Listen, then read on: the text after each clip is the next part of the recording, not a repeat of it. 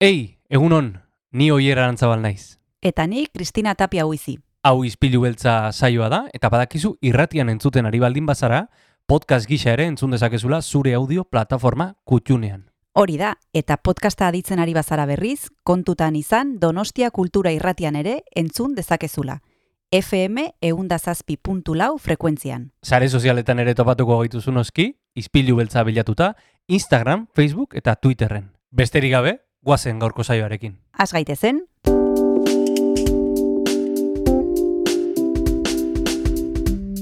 Ispilu beltza. Donostiako kulturaren berri, Oyer Arantzabal eta Kristina Tapia buizirekin. Egun honen zulea, zaroak amar ditu, e, gaude, San Martin bezperan, eta gaur, osteguna da hemen, Donostia Kultura irratian.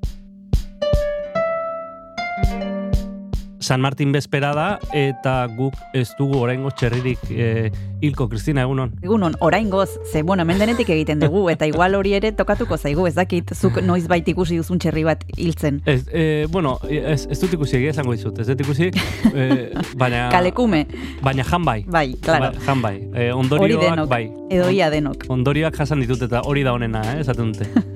Bai, hori da honena, ez dizut komendatzen txerri bat e, inola hiltzen ikustea.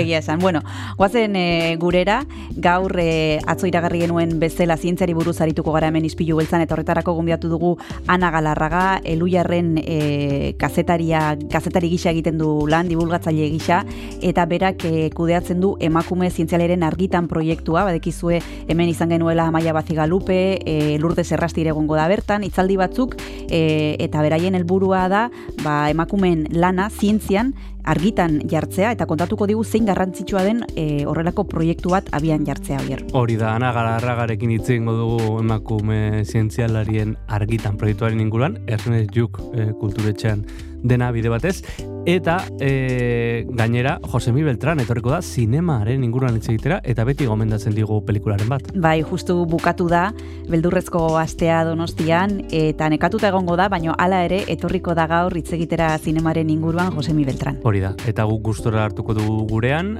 gaurko saio astera doa, beraz Jon Gartzia zure baimenarekin, guazen. Guazen.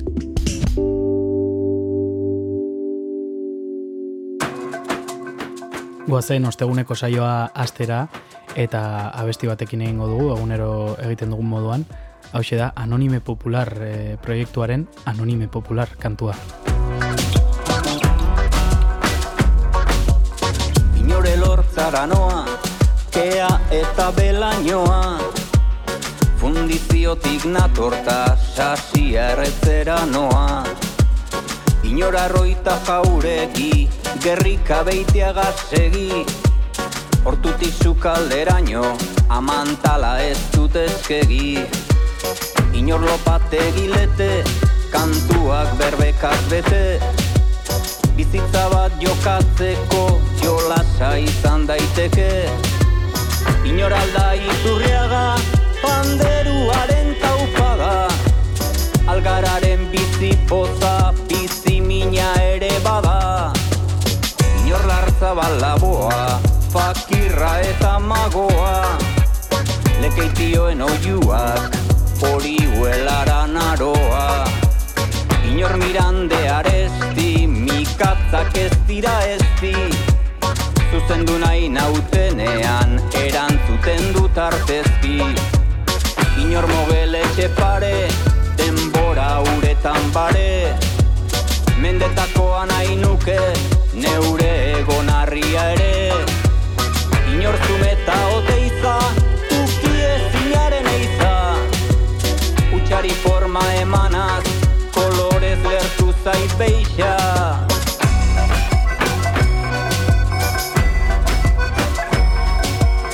Inorpia barraz Franklin, biziduna ez da pampin Beinta berriz kantatzen dit, gura ez dudana jakin Inor estramer panki, tradizional tapanki Oinezkoen larri minak kantatzen ditut goraki.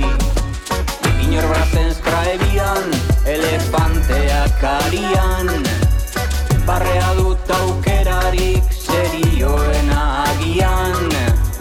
Inorri guai jausko behin,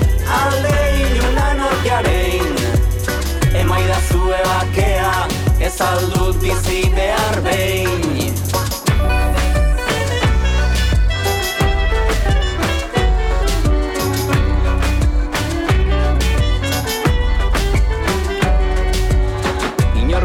benedetti gau erdian egun senti. Ilargiak bestalde bat duela oroidut beti. Inor Kristof Karber txirbez inguraturik gaizkidez Ez aitain erreza beti jokatzea gizabidez Inor Burkowski keruak ikusi bako zeruak. Ez daukat nik egorik ta ez garagu aingeruak Inor gozoa mezoikalo, Ederatzi mutxori malo Jardin ba nahi dut margotu Ta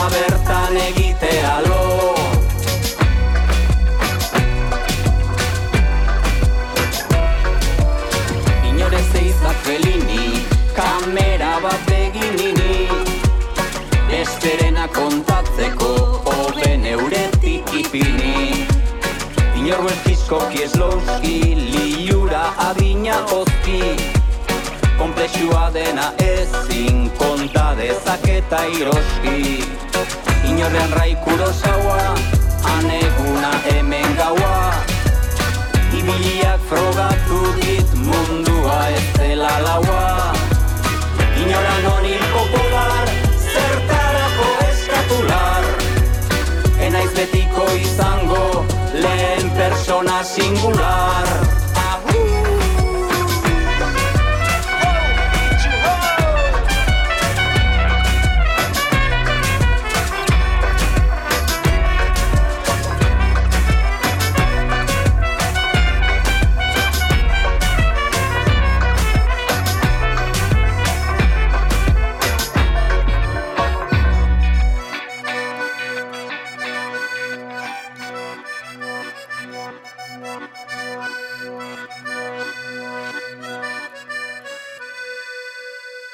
Elujarrek eta Donostia Kulturak elkarlanean sortu dute emakume zientzialarien argitan proiektua, solasaldi ederrak disfrutatzeko aukera izango dugu, eta guk gaur antolatzailea Ana Galarraga gonbidatu dugu Donostia Kultura irratira.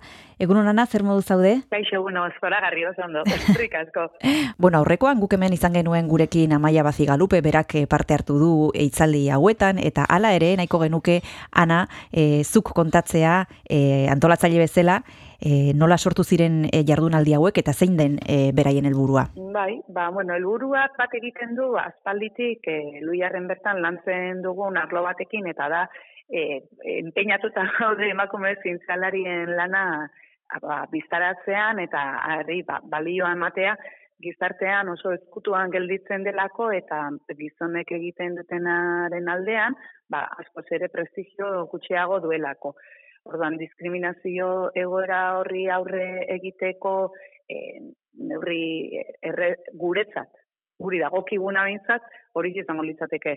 Ba, behintzat, ba, agerian jartzea ze diskriminazio dagoen, arlo horretan, e, gehienak ez duelako pentsatzen hori horrela denik, ez da, zientzian nola ba, hain gauza, ez dakit, objetiboa, eta bai. eta bai, eta diskriminatzen dira emakumezko, bueno, ba, bai, eta aurrerapenarekin lotzen den ez eta ba ematen du ez ezin dela horrelakorik gertatu zientzia, nordan batetik egoeraren berri eman datuekin eta eta lehenengo eskuko lekuko zaekin eta bestetik erakustea ba zen maila dagoen emakume zientzialarien artean urrutira joan gabe, ba, hemen bertan Euskal Herria. bai, ze denok pentsatzen du goi mailako ikasketak egin dituzten pertsonak direla, eta ematen du arlo bat nun, bueno, printzipioz, e, ba, ez litzatekela egongo e, diskriminazio hori, zuk aipatzen duzun diskriminazio hori, baina gero realitatea da, ba, ba, egia dela, eta zientzialarik beraiek ere esplikatzen dute, ez, ez zaila den, ebilbide profesional bat egitea e, mundu horretan, eta izan ere guk erreferente gutxiago ditugu emakumezko e, direnak eta e, sarietan bertan ikusten dugu Nobel sarietan zenbat emakume dauden ba e, literaturarekin irabazi dituzten sariak eta zenbat ba dauden fisika edo kimika edo horrelako sarietan, ez? E, e, arrakala handia dago. Bai, eta esan dezun bezala gainera arrakala hori disiplinaren arabera ere aldatu egiten da. Mm. Eta fisika izango litzateke justu ba, di, e, diskriminazioa handiena daukan arloa, emakumezkoak euneko hogeira ez dira iristen oroar, eta pentsa horietatik zeintzu izango diren orduan iristen direnak, ba, maia gorenera edo Hmm. e, beren laborategi propioa aukitzera, eta horrek azkenean dakarrena da, erabakimena, erabaki ahalmena izatea, nora bideratu finanziazioa, eta zertan ikertu eta zertarako, eta norentzat. Eta hor dago koska, ez da? Ba, zertarako da beharrezkoa eh, emakumezkoek ere zientzian gizonen pare parte hartzea. Batetik, eskubidea daukatelako, argi dago, ezin da e, sexua eta generoaren arabera inor diskriminatu, baina bestetik, e, onura garriagoa izango litzatekelako guztionza. Zientzia hor- horrek emandako emaitzak, e, hobeak izango lirateke, gizonek eginda bakarrik badira baino. Zergatik, ba, zenbat eta ikuspegi zabalagoa izan, eta zenbat eta eh, erantzun gehiago eman, lehen esan ditugun galdera horiek, zer ikertu, nola, eta norentzat, ba, erabaki horietan zenbat eta jende gehiago, desberdin gehiago parte hartu, orduan eta jende gehiagorentzat izango da onura. Orduan, egila da, e, noski, e, genero diskriminazioa ez da e, zientzia daukan diskriminazio bakarra, azken finean zientzia oso sistema elitista da, e, aspalditik e, datozen agia eusten dio oraindik ere, asko kostatzen balima ere, ba, erabat hierarkizatua da, oso sistemikoa da, eta hor sistemak berak diskriminatzen ditu emakumezkoak, eta, klaro, populazioaren euneko berrogeita marri izan da, ba, asko da, baina, hor daude baita ere, etnian araberako diskriminazioa, edo beren sexu edo afektibitate joeraren araberako diskriminazioa, e, eta, best, eta noski e, diskriminazio soziala. Eta, ba, e, daude, ba, maia askotako diskriminazioak eta askotan gainera, ba, elkartu egiten dira, gurutzatu egiten dira, eta orduan, bueno, zer esanik ez, emakume beltza, eta e, zientzialaria, eta jatorri pobrekoa baldin bazara, ba, are, zaiagoa Mm. izango duzu. Mm. Mm. Zarilak aipatu dituzu, Hmm. eta emakumeak izan gabe ere. Hmm. Ba, zientzietako hiru arlotan, bi mila, oi, barkatu, mila bederatzireun eta batetik ematen dira, zari horiek ez da, inoiz ez dute beltz bat zaritu. Ez e, fisiologian edo medikuntzan, ez fizikan eta ez da kimikan. Aipatu duzu, Ana, gauza interesgarri bat, e, eta esan duzu, niretzat izenburua izango litzatekena ez, eta da, emaitzak hobeagoak izango liratekela e, Mhm. zientzian emakumeak ere e, parte hartuko Mhm. balu modu aktibo batean. Eta hori justu ik- ikusi dugu e, azken hilabeteotan, azken urteotan, adibidez, e, COVID-aren e, txertoarekin, ezta?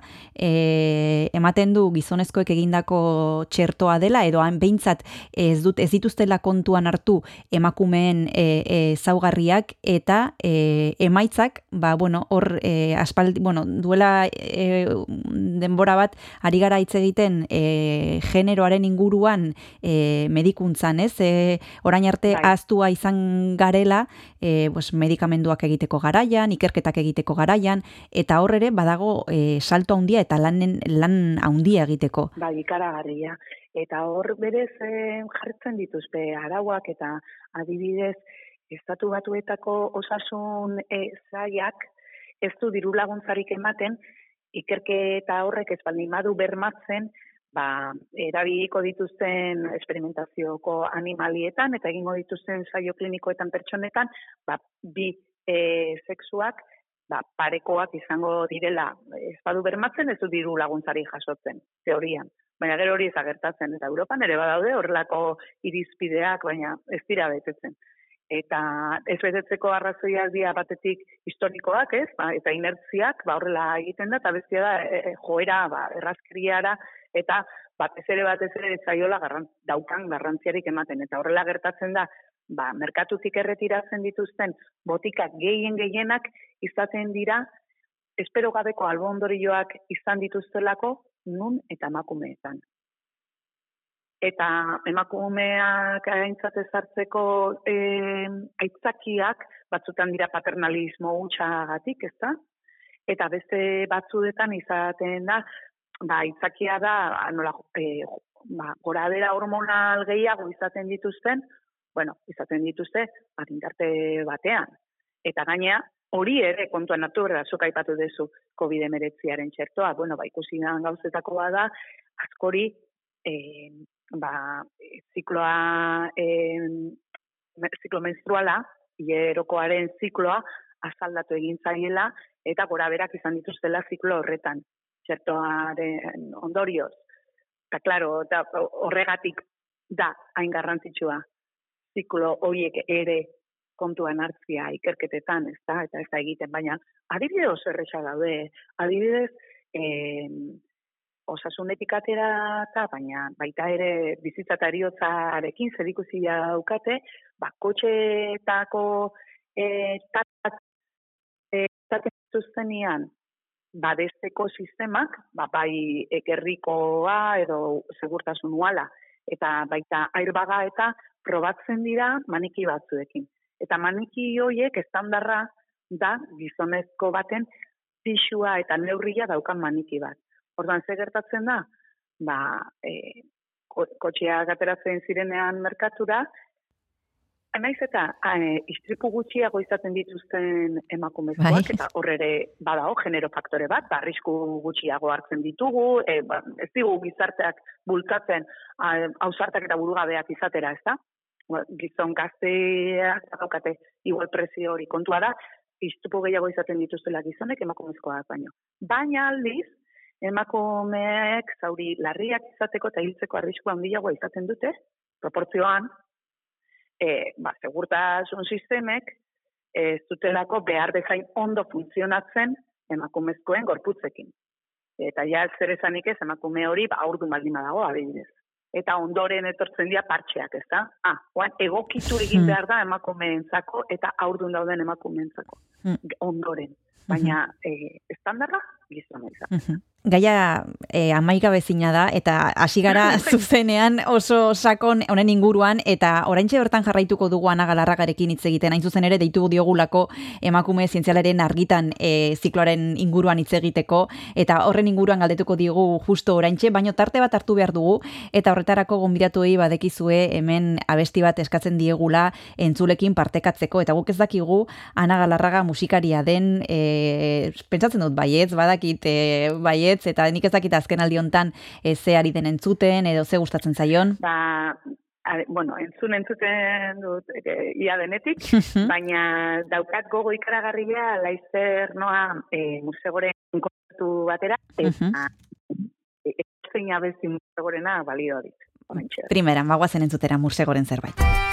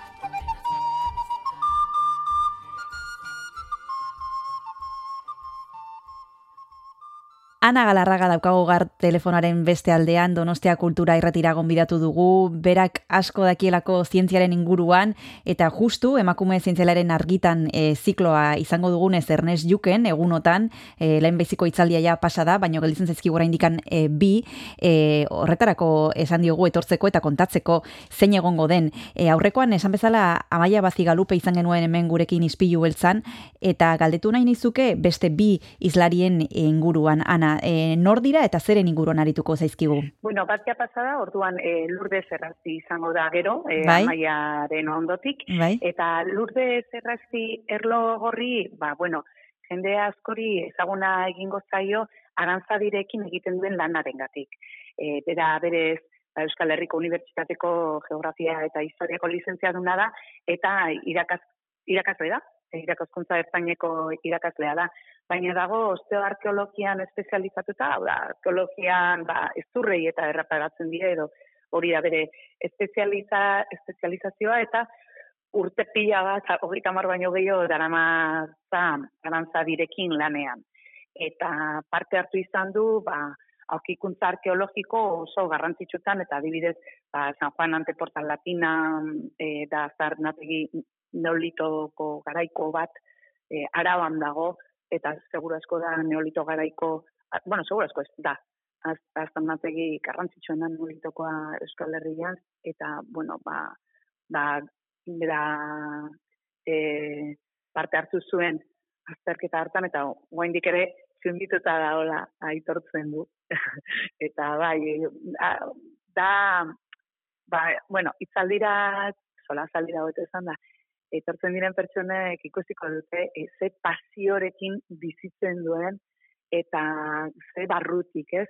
Eta adibidez hori, ba, kontatzen duenean neolitoko garaiko e, aztarnategi bat eta ba, zer topatzen duten eta hortik ze ondorio ateratzen dituzten, ba, nolakoa zen haien bizimodua eta hori. Eta konparatzen duenean adibidez beste arlo bat eta hor ere lan ikaragarria egiten ari da ba, gerra zibilean obiratutako e, gorpuzkiak eta ateratzen eta familiaekin eta harremanetan, ba, bueno, ba, hai, ba, bere milakoak azken finean, ba, boitatzeko eta aitortzeko, ez, kezatutako izugarrikeria hori, jo, ba, beitu, i- eski itzitin egin eta ja jarri zizki, Hmm.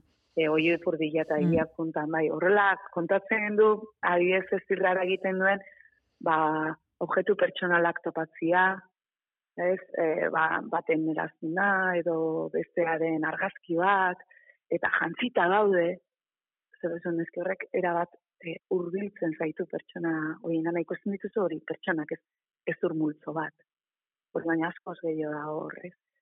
Eta, eta gaina jakin da ba, nola hil zituzten, zen modu bidegabean, eta, ba, klaro, e, ba, lan ordain ezina egiten dutela iruditzen zait, eta e, hor e, ikusten da ez, ba, zientziak ze balio izan dezakeen bizitzen pertsonetan. Hmm. Ana, em, adituak izan behar dira edo gaian pixka bat, e, bueno, e, ezagutz, ezagutzaren bat duena izan beharko luke hurbiltzen dena solasaldira edo denontzat da? Hori da. Ez, ez, ez, denentzat irikiak dira, eta dira ordu beteko solasaldiak, eta guztiek daukate egitura berbera.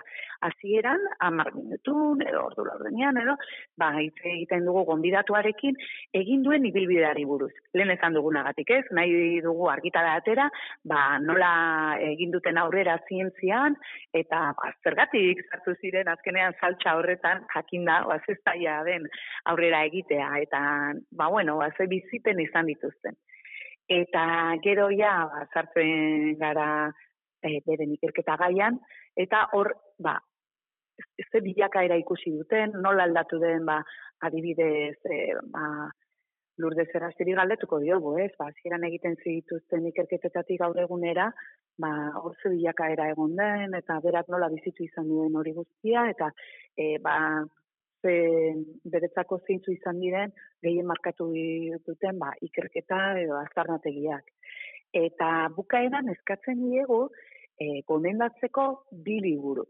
Bat, zientziarekin lotutakoa, eta bestea, ba, literatura oroar Mhm. edozein, ba, Mm, ba, ze polita. edozein, eh, bai, bai, bai, bai, ba, ba, hor badaudelako estereotipo txoro horiek esaten dutenak, ba, bueno, letra alde batetik eta bestetik zientziak, eta, eta, bueno, ba, ez, ba, dano da, eh, seguru bializ pentsatu ezkero esate, ba, ez, noski, nola, nola ez, ba, zientzialariek ere, maiteko dute literatura, maiteko dute musika, maiteko dute, ba, eskultura, dantza, eta beste dozen disiplina artistiko, eta bai noski horrela. Eta bai, ba, ba hori, bai, bai pixkate baita ere, ba, empatizatzeko eta gerturatzeko, ba, uste e, ba, balio dula horretarako ere, eta horrekin bukatzen da sola zaldia, eta gero galderetarako tartea irekitzen dugu, eta hor bai, aprobetsatu duz irrati dela, animatu nahiko nuke jendea bildurri gabe galdetzera. Eh? Bai, hori zaila izaten da, baina hori hor- izaten da interesgarriena. Ja, bai, bai, bai, bai. Baina, bai, askotan gero, gero galdetzen dizute zuri, eta ez, ez, galdetu berari, hori zartze daukatu. Claro, claro, aprobetxatu behar da, e, parean daukagunean e, horrelako pertsona bat e, galdetzeko, eta batzutan gelditzen gara gogoarekin, eta ez dakit zergatik jendea Bai. ez den, ez den animatzen gehiago, eta hemen e, askotan Bai. aipatzen dituguenan hitzaldiak eta solasaldiak eta aukera dagoenan galdetzeko, beti animatzen ditugu entzuleak e, galdetzeko, ze hor suertatzen dira gauza oso interesgarriak ez, eta Bai. etxera joan beharrean zalantzarekin, ba, bueno, hemen ere animatzen ditugu entzuleak e, joaten badira Ernest Jukera, ba, galdetzera, beldurrik gabe. E, zenbat da. zenbat aurre iritzi apurtu behar ditugun oraindik Ana Galarraga, oraintxe bertan e, itzuliko gara eta hoien inguruan hitz egingo dugu eta sakonduko dugu gehiago, ze gaiak merezi du, baina bigarren tarte bat e, hartu behar dugu musika entzuteko eta aurreko tartean e, eskatu duzu mursego eta nik ez dakit oraingoan zer e, zer jar dezakegu. Ba, miren arraizak mizek atera du disko herri bat, oraintxe, eta, bueno, guaindikan buelta batzuk gehiago eman berdizkio eta aukeratzeko zein da nere favoritua, horri ere aldaketak izaten ditut, eh? Karaien igual hau da, eta gero aurrerako beste bat, baina nola ez dakida guaintxe bertan zein, ba, berdin, edo zeinek balio di. Ados, primeran, guazen entzutera, mize. Inor begira izan da ere, berdin egin nahi nuke. Inor begira izan da ere,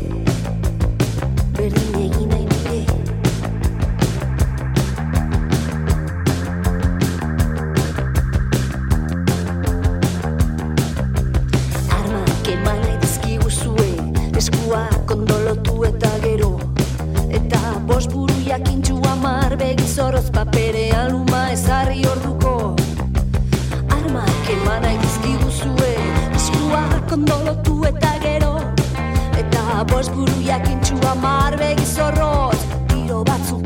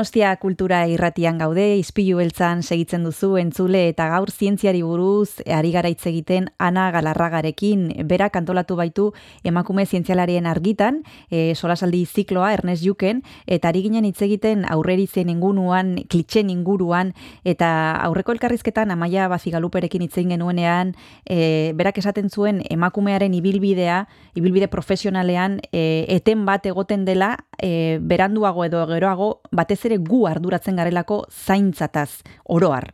Hmm, E, eta hor, ez dakit, e, aldaketaren bat ikusi duzuen zuek eluiarren e, zaudetela kontaktuan e, zientzialariekin, emakume zientzialariekin, e, obera egin dugu azken urteotan mantxo gabiltza, nola ikusten duzu zukana? Ba, ez dakat albiste honik.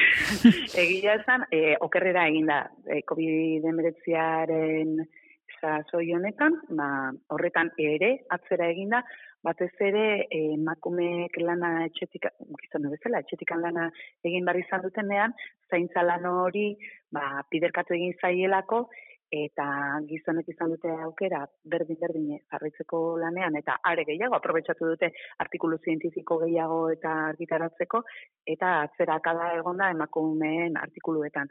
Ze gertatzen da, ba, gero e, merituetan eta e, ba, esan dugu ez, hierarkizatua izaten da ibilbide zientifikoa ba, e, eskailera horretan, ba, e, laguntzen duena aurrera egiten, justu, ba, argitaratzen dituzun artikulu horiek, ba, zenbat argitaratzen dituzun, zer, ze lekuet, ze lekutan, ze aldizkaritan, eta zenbat aipamen jasotzen dituzten, ba, hor badaude irizpide neko komplexu batzuk, eta horren arabera neurtzen da zientzialari baten arrakasta.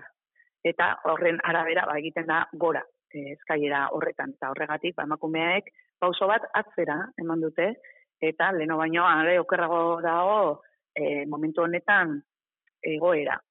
E, krisi ekonomikoetan gainera e, gertatzen da, ba, finanziazioa eta ere gutxitu egiten da, eta hortan ematen zaio ja lehendik ezaguna zenari edo badauzkana ja lorpenak, ez da? Hmm, Orduan berriro ere, ba, lehen goian zeudenek, haie jasotzen dute finanziazioa, eta albo batera gelditzen dira, ba, talde txikinagoak, edo ez daukatenak hainbesteko izenik. Orduan, bueno, ikusi da zera egin dela.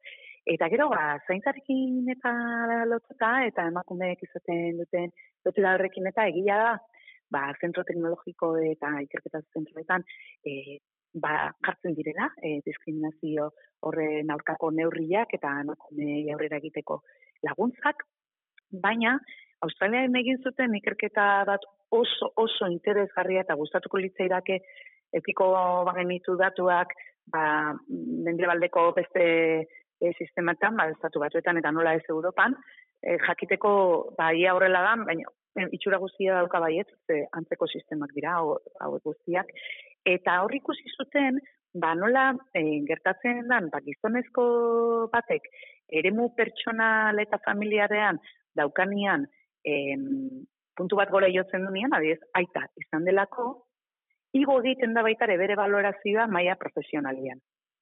Ba, profesional hobetzat jotzen da. Eta, e, ba, seriotasuna ematen dio horri eta puntuak irabazten ditu. Eta aldiz, emakumezkoetan kontrakoak gertatzen da. E, bizitza familiarrean eta pertsonalean e, gora egiten baldin badu, bere valorazioa profesional gisa jetxe egiten da. Eta aldiz, bai, e, jotzen denean profesional gisa, ba, ez dakit, ba, zuzendaritza e, kargu bat hartze baldin badu edo, bere valorazioa familian eta pertsonaki jetxe egiten da. Zaten dute ama txarra da, edo ez dio nahikoa denbora dedikatzen bere familiari eta hori gizonari ez zaio gertatzen. Orduan, hain da zaila, ze claro, profesionalki bultatze baldin maezu emakume hori, aiza penalizatzen bere bizitza pertsonal eta familiara. Aldi berean. Ez baldin bada beste eh, da batera, hola, sistemikoki Hmm, kontuan hartzen. Mhm. Eta hori da, hori da e, gakoa, ez? Hmm. Sistemikoa dela arazoa, ordan erantzunak ere sistemikoa izan beharko luke iraultza bat azken finean. Hmm. E, zentzu hortan, Ana, e, positiboa zara etorkizunari begira, e, gelditzen zaiguna da egin duguna baino gehiago, baino gutxiago, nola uste duzu Bai. izango direla urrengo urteak? Ba, ni e, e, positiboa naiz, batez ere ikusten ditu delako neska ikertzaile gazteak oso oso aldunduak eta e, badakite, igual lehen zientzian sartzen zenak, ba, zaletasunakin eta e, ba, ikaragarrizko motivazioarekin eta aurrera egiten saiatzen zen eta gero ikusten zuen eh, sistemak ze zailtasun jartzen dizkion. Oraingoak, oraingoak badakite sistema nolakoa dan eta sistema hori aldatzeko eta aldarazteko epre zaude. Eta hor, bueno, ba, ikertzai hauetako batek oparitu zidan esaldi ma- ba, zoragarri bat kamiseta bat egiteko adibidez, eta eh, honek esaten zuen, ba, feministak ezin ginala gelditu zientziatik aparte, ba, zientzia boterea delako. Eta, eta nik uste dut hori oso argi daukatela gehienak behintzat. Eta hortik ikusten den nik itxaropenerako bidea bai. Bueno, ba, itxaropenarekin agurtuko zaitugu, Ana Galarraga, mila esker zure azalpenegatik eta zure denboragatik, ea jende animatzen den e, solasaldietara eta galdetzera ere bai, eta esan bezala eskerrik asko eta hurrengo arte bezarkada bat. Ba, eskerrik asko zuei eta bai nik ere animatzen ditut entzule guztiak etortzera, bueno, eta benetan merezi dute emakume hauek eta egiten duten lana ezagutzea. Eta hori ez izan beldurrik, danontzako moduko e, solasaldiak dira eta bai, ez dute arazorik izango zerrez ulertzeko. Ederki, ba, gonbidapena luzatuta, esan bezala mila esker eta hurrengo arteana. Zuei urren arte, aio! Aio! Ezin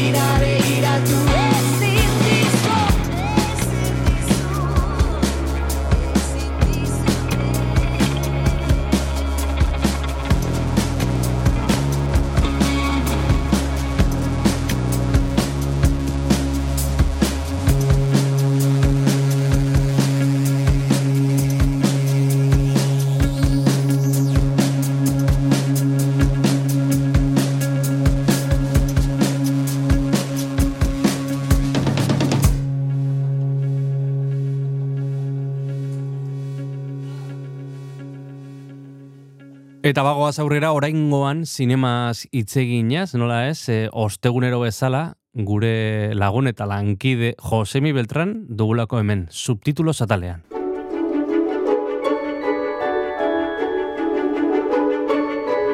Azpitituloak, subtitulos, Josemi Beltranekin. Egunon, Josemi, zer moduz dana? Kaixo, zer moduz? Ondo. Ba, ja, aza, azaroan sartuta. Eta Ah, gure, gure beldurrezko astea pasata, ba, ba, bueno, beste, beste etapa bat, edo beste garai bat. A, azaroarek, azaroarekin arazoak atzean utzita, ezta? hori da, hori da. hor dago jokua, hor dago hitz jokua. A- a- Arazoak eta kontua. Bueno, bueno, kontu, kontu posgarri, posgarriak. Bueno, bueno, bueno, bueno, guk eh, hemen ondo hartzen zaitugu beti bezala sinema egin behar dugulako, eta gaurkoan ere, bueno, pelikularen bat, eta beste eztabaidatxo bat ere izango dugulako, agian pelikularekin sartu aurretik, beti bezala abestia entzungo dugu? Vale, ba, bueno, eba aldatuko dugu pizkator dena eta beste gehiegi ez emateko. E, aukeratuko de orain astea Mercedes Sosa, bueno, Argentineko abeslariaren Como la cigarra e, kanta. Primeran, entzun dezagun, eta segian gara buelta hemen, ispilu beltzean.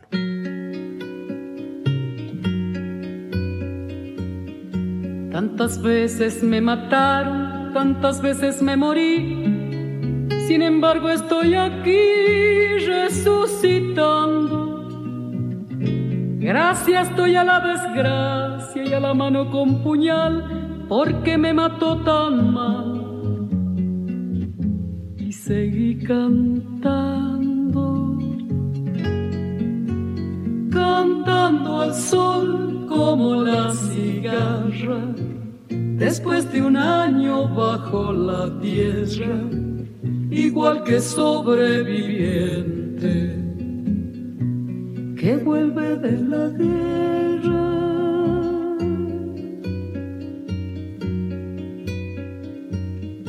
Tantas veces me borraron, tantas desaparecí. A mi propio entierro fui sola y llorando. Hice un nudo en el pañuelo, pero me olvidé después que no era la única vez. Y seguí cantando, cantando al sol como la cigarra. Después de un año bajo la tierra, igual que sobreviviente que vuelve de la guerra.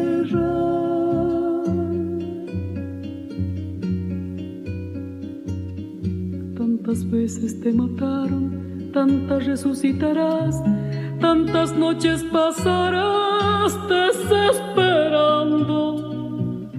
Y a la hora del naufragio y la de la oscuridad, alguien te rescatará para ir cantando, cantando al sol como la cigarra, después de un año bajo la tierra, igual que sobreviviente que vuelve de la guerra.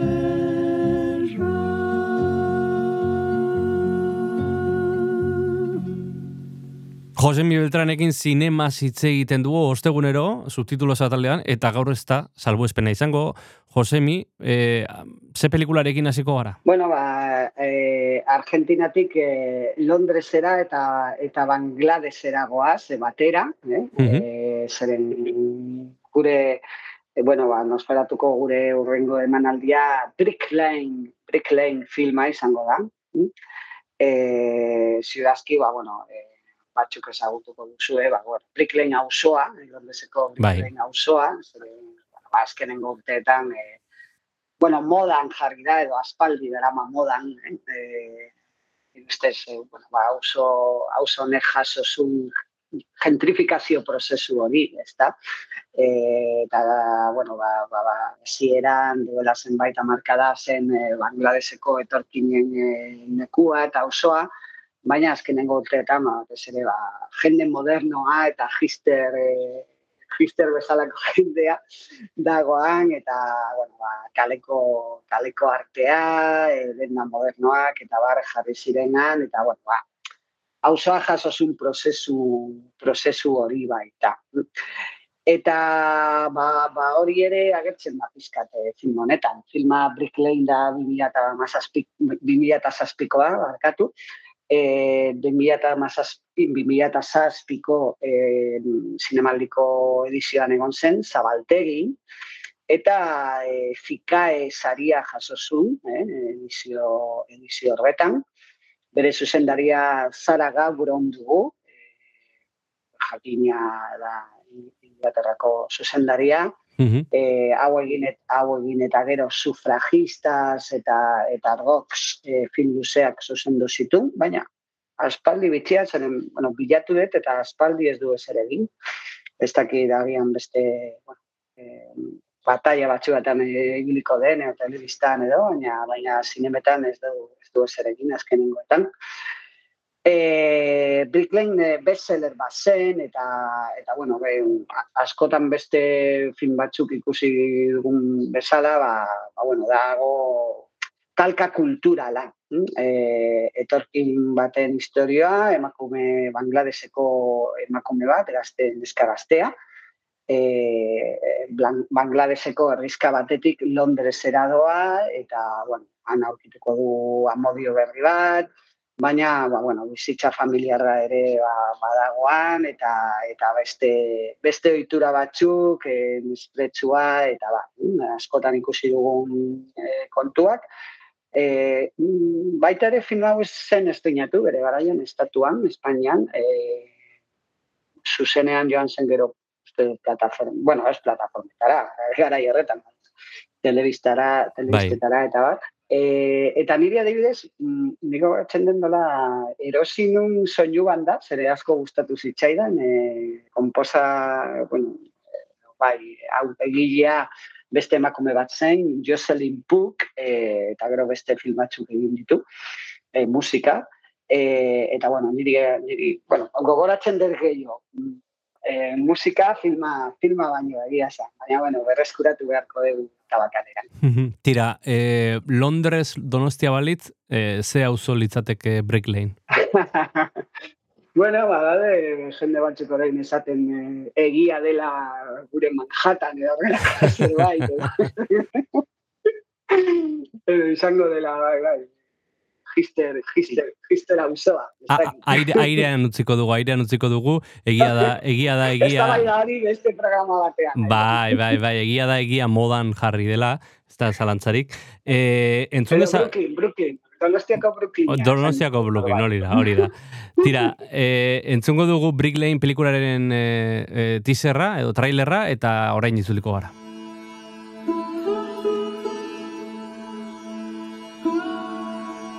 Always said, I will not marry and be sent far away. But our father chose me an educated man, living abroad.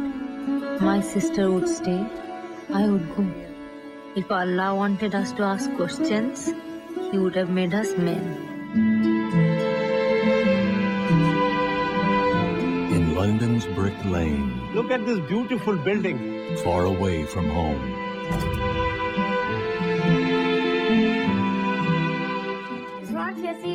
Brick Lane gaurko lehenengo filma, aipatu duguna, Josemirekin, hemen, e, subtitulo azatalean, Josemi, Nosferatu zikloan egongo dena, azaroaren amaseian, zazpiretan tabakaleran, eta oiko legez, sarrerak lortu nahi baldin baituzue, ba, nahiko duzue donostiakultura.eu zen sartzea. Bertan, sarrerak e, erosteko aukera duzue, bai e, emanaldi ontarako, bai beste emanaldi batzuetarako, eta eta beti gomendatzen dugu ba, bizkorri biltzea aukera ez galtzeko.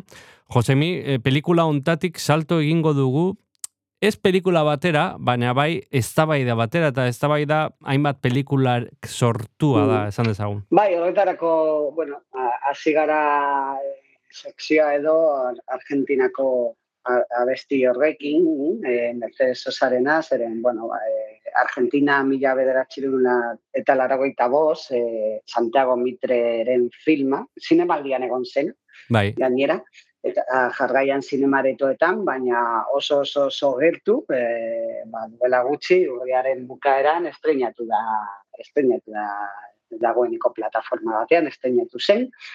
Eta, bueno, horrek ere, bueno, e, sortzen digu ba, galdera hau eta eta jartzen, da, jartzen du ba, maian ba, zen nolako kontsuma daukagun orain ikusentzuneko ikusentzuneko eta eta filmekin, ezta? Agian, bueno, ba, e, estreinaldiaren baleo hori galtzen ari da, alde batetik, nire ustez, bestaldetik plataformek behar dute agian pantaila handia e, festivalak, e, jartxuna sortzeko eta arreta, arreta ditzeko e, bere beraien filmen buruan. Bai. E, baina agian agian zinemaretak eta festivalak ba, bueno, e, dira bakarri laguntza bat eta, eta kontsumo handiena eta garrantzitsuena indartsuena askotan ematen da e, plataformetan, ez dakit zu hau nola ikusten duzu. Ba, tira, egia da alde batetik ohitura aldaketak beti gertatu direla, ez? Baina nei kezkagarria iruditzen zaidana da, e, bueno, plataformak berauek e, direla dena egiten dutenak, ez? Ekoizpenetik hasi eta banaketaraino e, hor dago konzentrazio hortan dago nere ustez gatazka handiena. Esan nahi dut e, e, McDonald'sek e, ba, egiten baditu e, azten baditu mm, e, behiak eta McDonald'sek e, e, egiten baditu hamburguesak eta gainera saltzen baditu hamburguesak, ba, ba bueno, ba hor, hor dago bez? Hor dago Bai. gatazka hundiena nik hor ikusten dut, eta gainera mm, geroz eta konzentratuagoa dela, ez? E, bueno, industria. Ba, ni egon naiz baita pasaren asteetan, e, pasaren asteetan begiratzen, ba, bueno, e, astero estrenatzen ziren filmak, e, edo aurre ikusita zeuden filmak e, e, Espainiako zinemaretoetan, eh? eta, eta askotan, ba, ez ziren oso erakargarriak, konparatzen baditugu, edo publiko orokorren txat, eh? konparatzen badugu e, ba, plataformentan estrenetzen diren kontuekin, filma esan daiteke edo telesail bat. Baina publizitatean diagoa, eta eta bueno, gehiago hitz egiten da komunikabidetan eta bar, plataformen esteinaldien inguruan, zineme mm, esteinaldien baino, eh? Bai, bai. Horrek ere, bai, Eta hori nabaritzen da, eh? begiratzen duzu zerrenda eta hau ze filma, eh? hau ze filma, eh? ez dute zer entzuman buruz.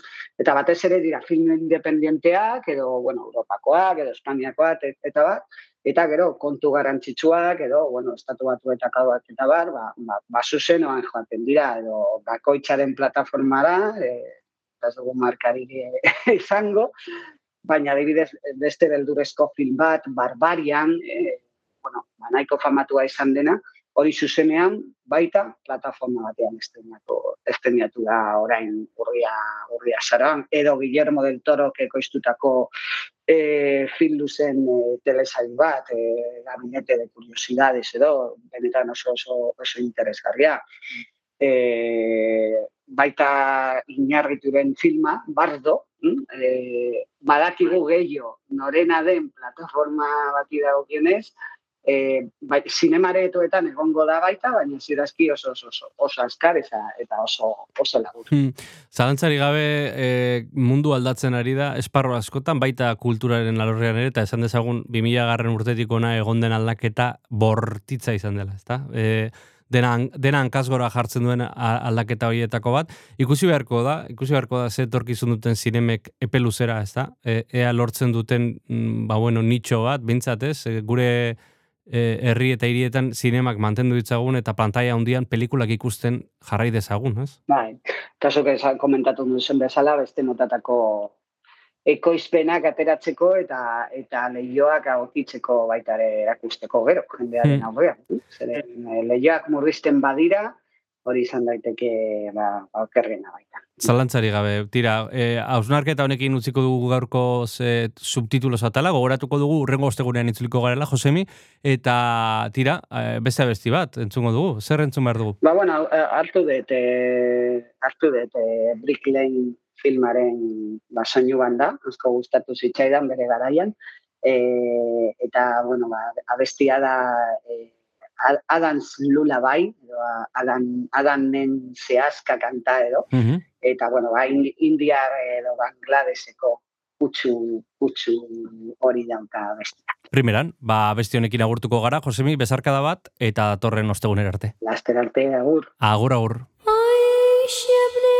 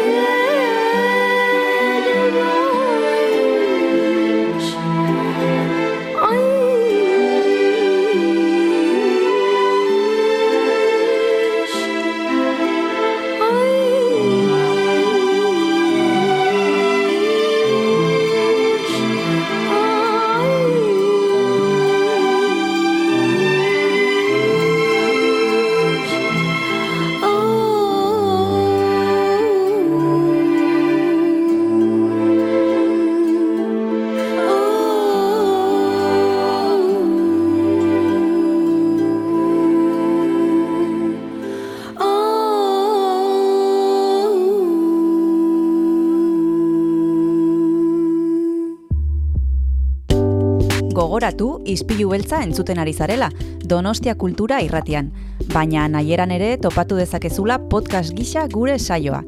Edozein audio plataformatan arpidetu eta oieraran zabal eta biok asko eskertuko dizugu. Orain jarrai dezala saioak.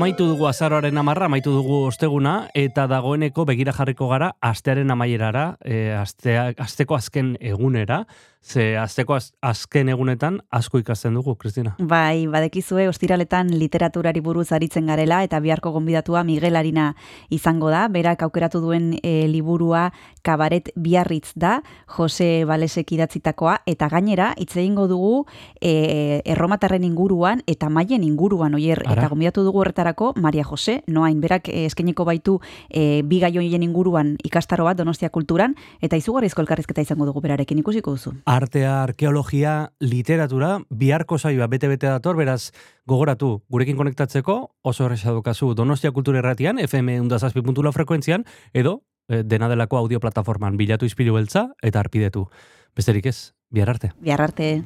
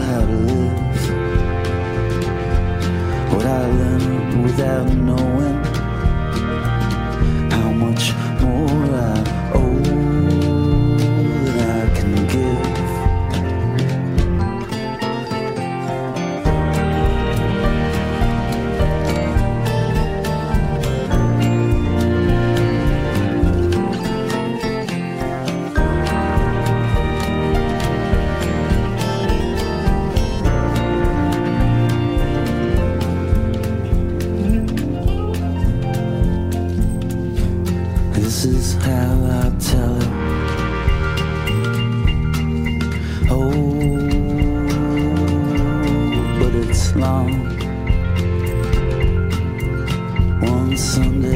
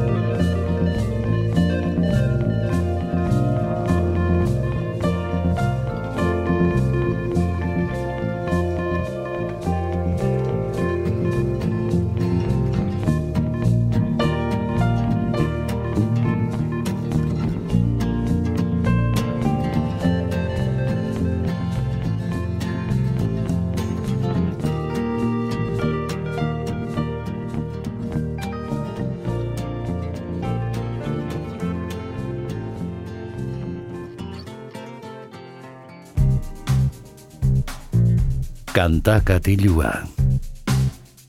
Jon Gartziaren eskutik. Kaixo entzule, ongi etorri gaurko kantakatiura, iritsi gara izpilu beltzaren amaiera honetara, eta badakizuen musika entzutea gustatzen zaigula, eta diskoak entzutea ba, are gehiago. Irratian ez delako ainoikoa, eta guri ba, alaxe gustatzen zaigu, diskoa hasieratik amaierara entzutea. Eta gaurkoan e, ba, talde oso ezagun baten disko berria ezagutuko dugu, Arctic Monkeys e, Ingalaterrako taldearen azken lana ezagutzera goaz, Dekar izeneko e, diskoa, eta alaxe hasten da, There Better Be a Mirror Ball kantuarekin.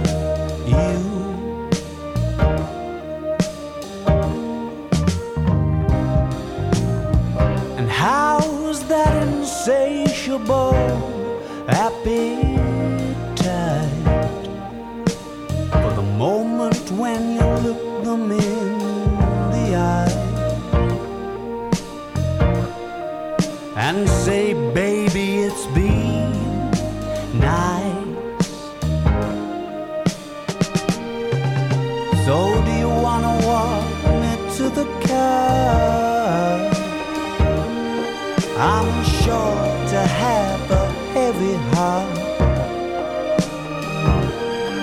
So can we please be absolutely sure that there's a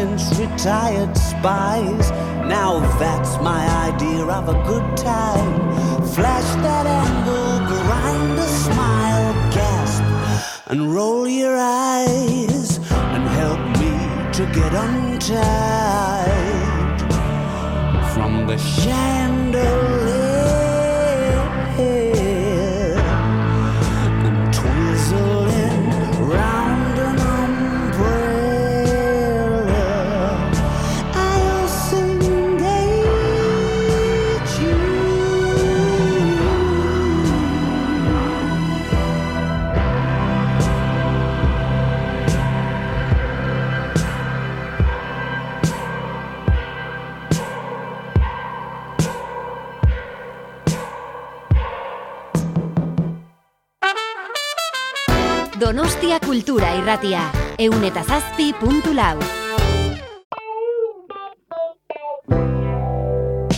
Jet skis on the moat. They shot it all in cinema scope. As though it's the last time you're gonna ride.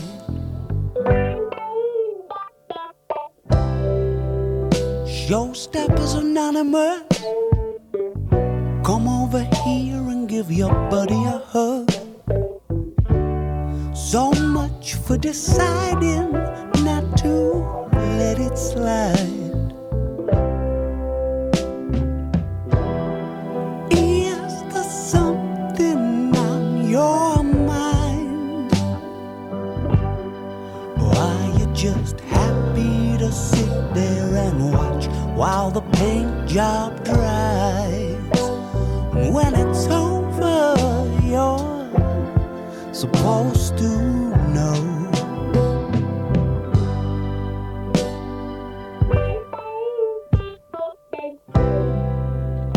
Lights out in the Wonder Park. Your sawtooth lover boy was quick off the mark. That's long enough in the sunshine for one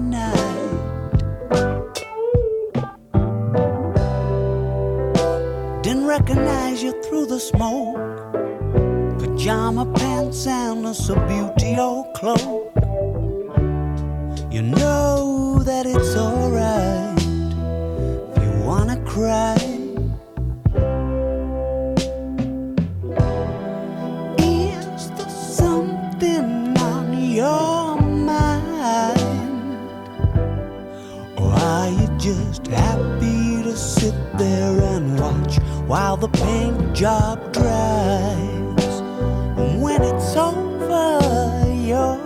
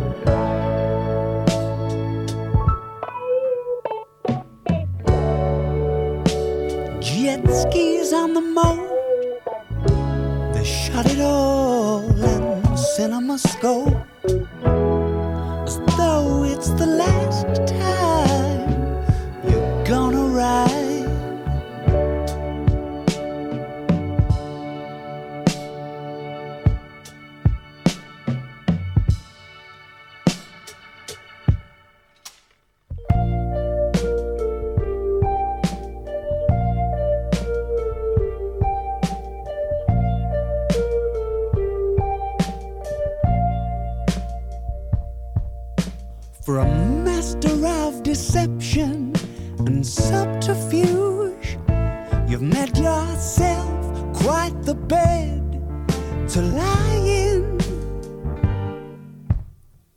Do your time traveling through the tanning booth so you don't Let the sun catch you crying. Predictable, I know what you're thinking.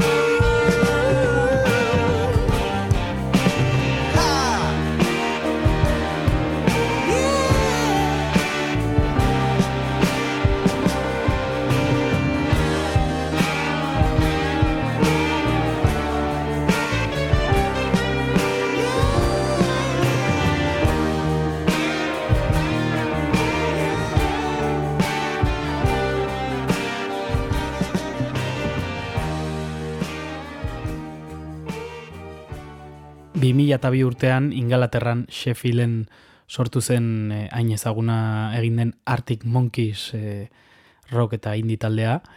Honako hau Dekar eh, izeneko azken lana da, zazpigarren estudio lana du dagoeneko eta aurtengo urrian kaleratu berri den diskoa da. Aurreko diskoaren jarraipen bezala ulertu dezakegu Dekar izeneko hau e, izan ere estilo aldetik e, nahiko antzeko jarraitzen du, e, rock orkestral eta popa nastuz baita ere ba, kutsu e, pelikula zarren e, soinu bandaren kutsu horrekin eta bueno, batzuk e, pedanteria e, egotzi izan diete, baina tira, e, kritikak e, orain gontan nahiko ondo hartu du disko hau eta publikoaren alde batek ere bai, ba, beti egoten da gustatzen zaionik eta gustatzen zaionik, eta guk e, besterik gabe entzuten jarraituko dugu, ea ze iruditzen zaizuen, orain txentzun duguna Body Paint izeneko kantua izan da, e, aurrerapenetako bat e, lehenengo kantuarekin batera, eta entzuteragoaz diskoari izena ematen diona, hause da, Dekar. grandfather's guitar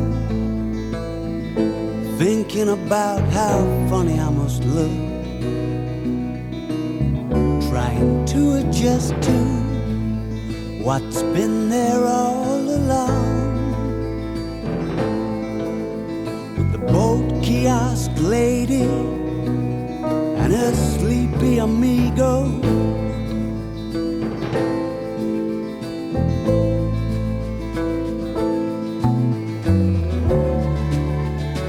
Ain't a holiday until you go to fetch something from the car.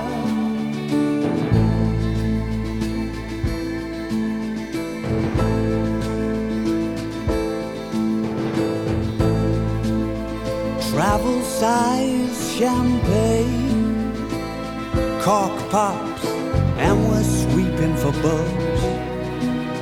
Some dusty apartment, the what's it called cafe. You can arrive at 11 and have lunch with the English.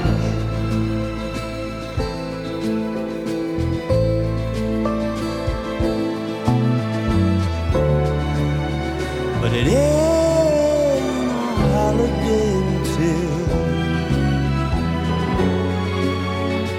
for you to make a way.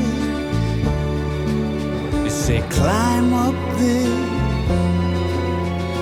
jump up.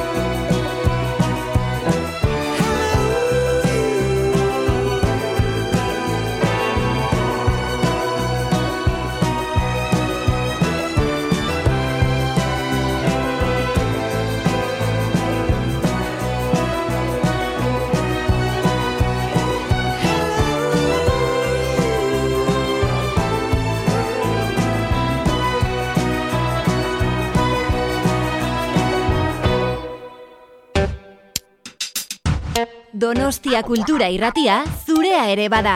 Zatoz eta parte hartu.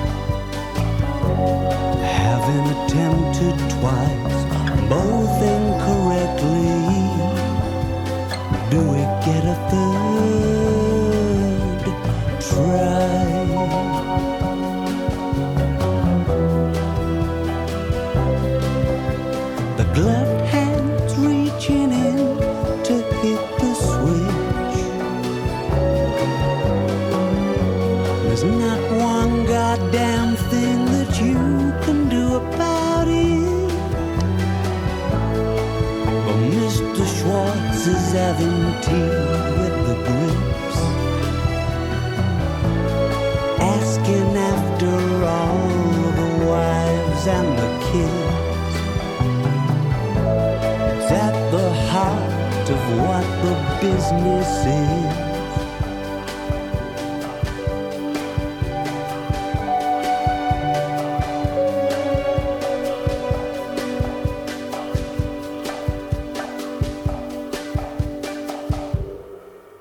Amaitu da orain bai ispilu beltza, entzun dugu Arctic Monkeys ingalaterako taldearen dekar azken estudio lana. Espero dugu ba, gozatu izana eta e, tira, ba, deskubritu izana oraindik entzun ez bazenuten, eta azken kantu batekin utziko zaituztet, diskoari amaira ematen dion Perfect Sense izeneko abestiarekin, eta gu bihar ostirala bueltan izango gara, musika gehiagorekin beraz, bihar arte.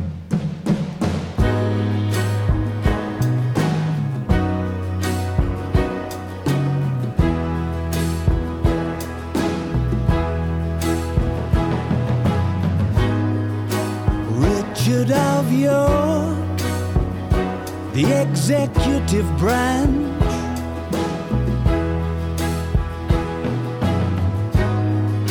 Having some fun with the warm up act.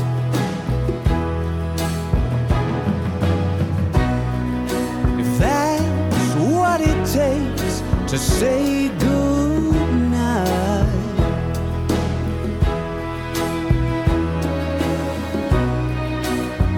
That's what it takes.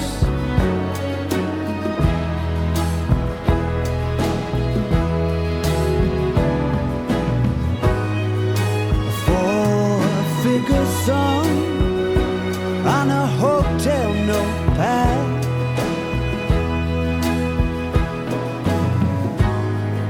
A Revelation or your money back.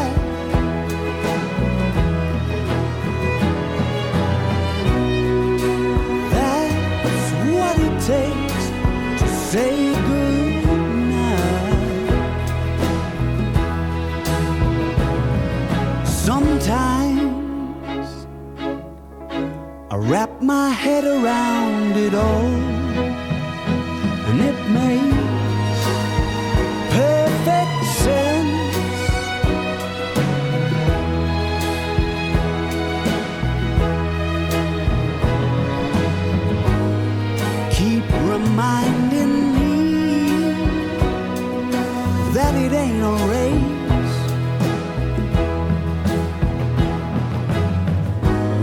my invincible streak turns on to the final